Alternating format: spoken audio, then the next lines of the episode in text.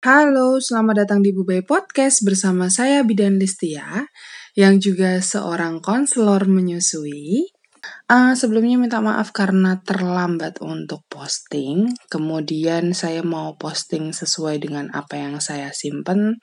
Terus kepikiran, hmm, kayaknya materi ini lebih menarik deh. Aku cari, cari, cari, cari. Ternyata aku belum pernah bahas tentang ini.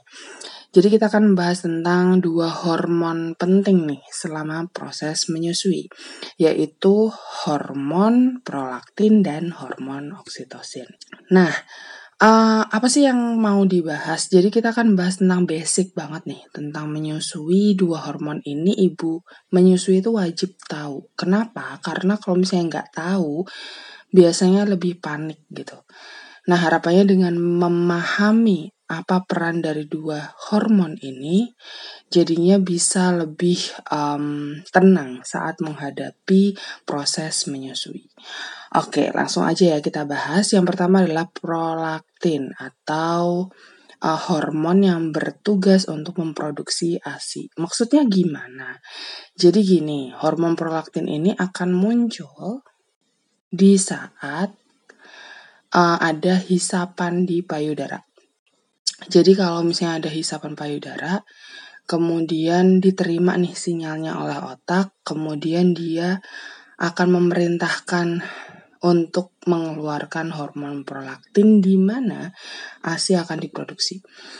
Jadi kalau nggak ada hisapan, ASINya akan berkurang nih produksinya. Maksudnya gimana sih? Ya gampangnya gini deh.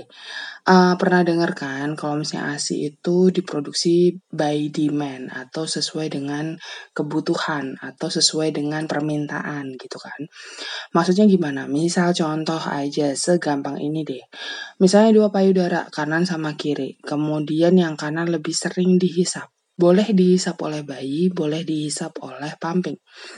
Nah, kalau misalnya yang kanan lebih sering dihisap dibanding yang kiri, yang terjadi adalah produksi ASI payudara kanan akan lebih banyak daripada payudara kiri. Oke, sampai sini paham ya. Nah, begitupun kayak contohnya kayak kita jualan deh. Lebih simpelnya kayak kita jualan. Misal kita jualan dua barang, barang A dan barang B. Barang A lebih laris nih daripada barang B gitu. Kan otomatis kita kalau misalnya uh, belanja dua barang ini, pasti kan kita akan beli lebih banyak barang A untuk dijual lagi kan, daripada beli barang B tuh. Nah, begitupun dengan payudara. Nah, payudara ini udah diproduksi nih, sebegitunya gitu. Uh, tujuannya buat apa sih? Ya, kalau misalnya memang ASI itu tidak dibutuhkan lagi oleh bayi dengan tanda bahwa hisapannya berkurang, Makanya tubuh ini akan mengurangi produksi asinya.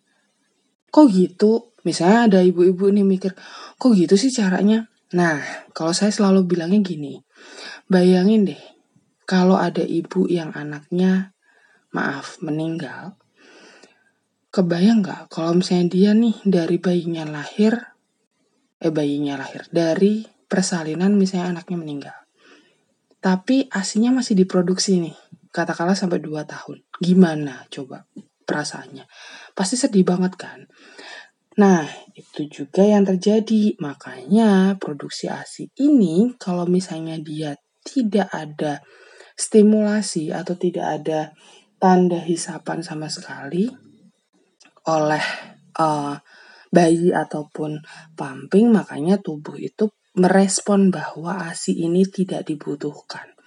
Jadi produksinya di kurangi.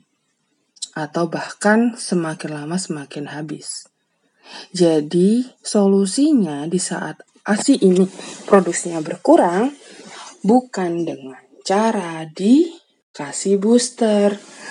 Tapi produksi ASINya ditambah dengan dihisap payudaranya gitu. Terus apa bedanya booster ASI sama hisapan bayi? Beda banget. Nah, kalau misalnya pengen tahu tentang apa sih pengaruhnya booster ASI kepada ASI gitu, boleh banget untuk dengerin podcast sebelumnya ya tentang booster ASI. Oke, sekarang kita bahas tentang hormon oksitosin, betul. Nah, hormon oksitosin ini tugasnya tadi kan untuk mengeluarkan ASI. Maksudnya gimana? Jadi, si oksitosin ini adalah dia si penjaga pintu atau satpamnya. Ya, jadi yang bawa gembok untuk jagain pintu ya si oksitosin. Kalau oksitosin ini tidak ada di tempat, dia nggak jagain, berarti pintunya digembok sama dia. Nah, nggak kebuka, jadinya asinya keluar. Oke. Okay? Gimana caranya biar oksitosin standby, biar dia tetap di pintu, biar dia tetap mau buka jalan gitu. Berjalan maksudnya jalan ASI keluar dari tubuh gitu, dari payudara. Caranya adalah mood ibu harus bagus atau harus happy. Ya, jadi kalau misalnya mood ibu jelek, misalnya jengkel, kemudian um, kecapean, kesakitan, pokoknya mood yang jelek banget. Nah, itu bisa menghambat pengeluaran ASI. Terus gimana biar ASInya keluar lagi? Ya harus happy. Happy itu dengan gimana? Ya, misalnya nonton film yang bikin happy atau mungkin nonton TikTok atau mungkin video lucu atau bahkan makan yang bikin happy atau bahkan um, cuma mandi air hangat misalnya, apa pun itu boleh. Ya, makanya kalau misalnya diperhati ini, bagi ibu-ibu yang sudah menyusui, biasanya kalau misalnya diajak jalan-jalan atau meet time, asinya tuh bisa banjir banget keluar gitu, natas, natas, natas. Itu bukan karena asimu tuh lebih banyak, enggak Mungkin produksinya sama, cuman karena si hormon happy atau hormon oksitosin ini keluar, makanya jadi dia tuh loss gitu loh. Lebih gampang ngeluarin asinya dari tampungannya atau si payudara ini. Gitu. Kapan sih ASI bisa tidak keluar? Ini sering banget terjadi sih, maupun bagi ibu yang baru lahir ataupun yang sudah lama nih, maksudnya udah anaknya usianya berbulan-bulan gitu. Bagi yang ibu baru lahir bisa aja karena habis sesar mungkin atau mungkin habis jahitan atau jahitan perineum maksud saya.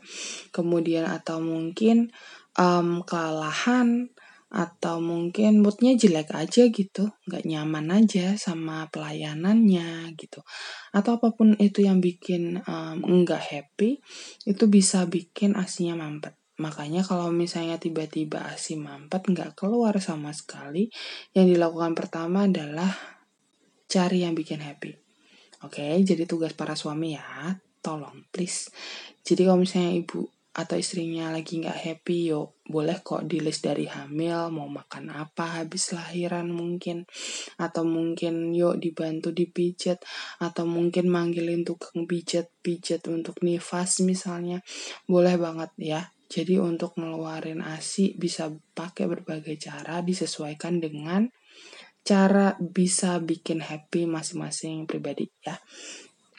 Itu yang pertama kalau misalnya sudah bayinya sudah besar, kemudian uh, ASI nggak keluar. Nah, ini biasanya terjadi kapan?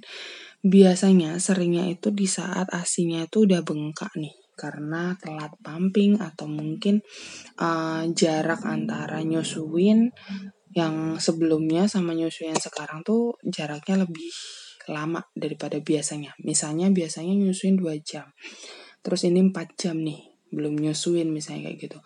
Nah karena payudara ini bengkak, karena bengkak jadinya rasanya nggak nyaman, kemudian badan jadinya demam, itu kan nggak nyaman ya. Nah si hormon oksitosin ini nggak mau muncul, makanya asinya nggak keluar.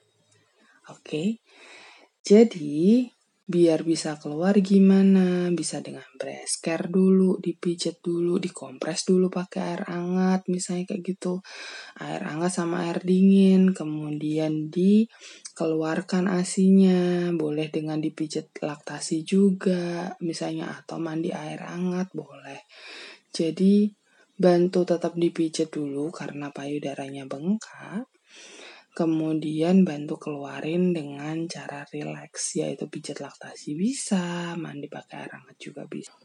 Gimana nih soal podcast kali ini? Jelas nggak penjelasannya? Semoga jelas ya. Jadi kalau misalnya ada pertanyaan silakan banget untuk langsung tanya ke DM Instagram Ibu Bayi Podcast atau ke email Podcast at gmail.com. Nanti saya akan bantu untuk menjawab. Mungkin bisa dijawab lewat podcast ini juga gitu. Jadi bisa interaksi ya, dua arah ya. Kayak menyenangkan deh. Um, kemudian kalau mau konsultasi, saya lebih menyarankan untuk konsultasi langsung via offline ya, dibandingkan online. Bagi yang berada di daerah Kudus dan sekitarnya, bisa banget untuk konsultasi langsung ke saya. Uh, menghubungi saya langsung aja ke bayiku, jadi buka aja Instagram, tulisannya bayi kowe. Nanti langsung reservasi di sana, appointment di sana untuk jadwalnya. Jadi kita bisa langsung ketemu langsung bisa langsung ketemu langsung. ya, intinya gitu. Jadi sampai jumpa di podcast berikutnya. Kalau ada pertanyaan silahkan banget untuk bertanya. Oke, sampai jumpa. Dadah.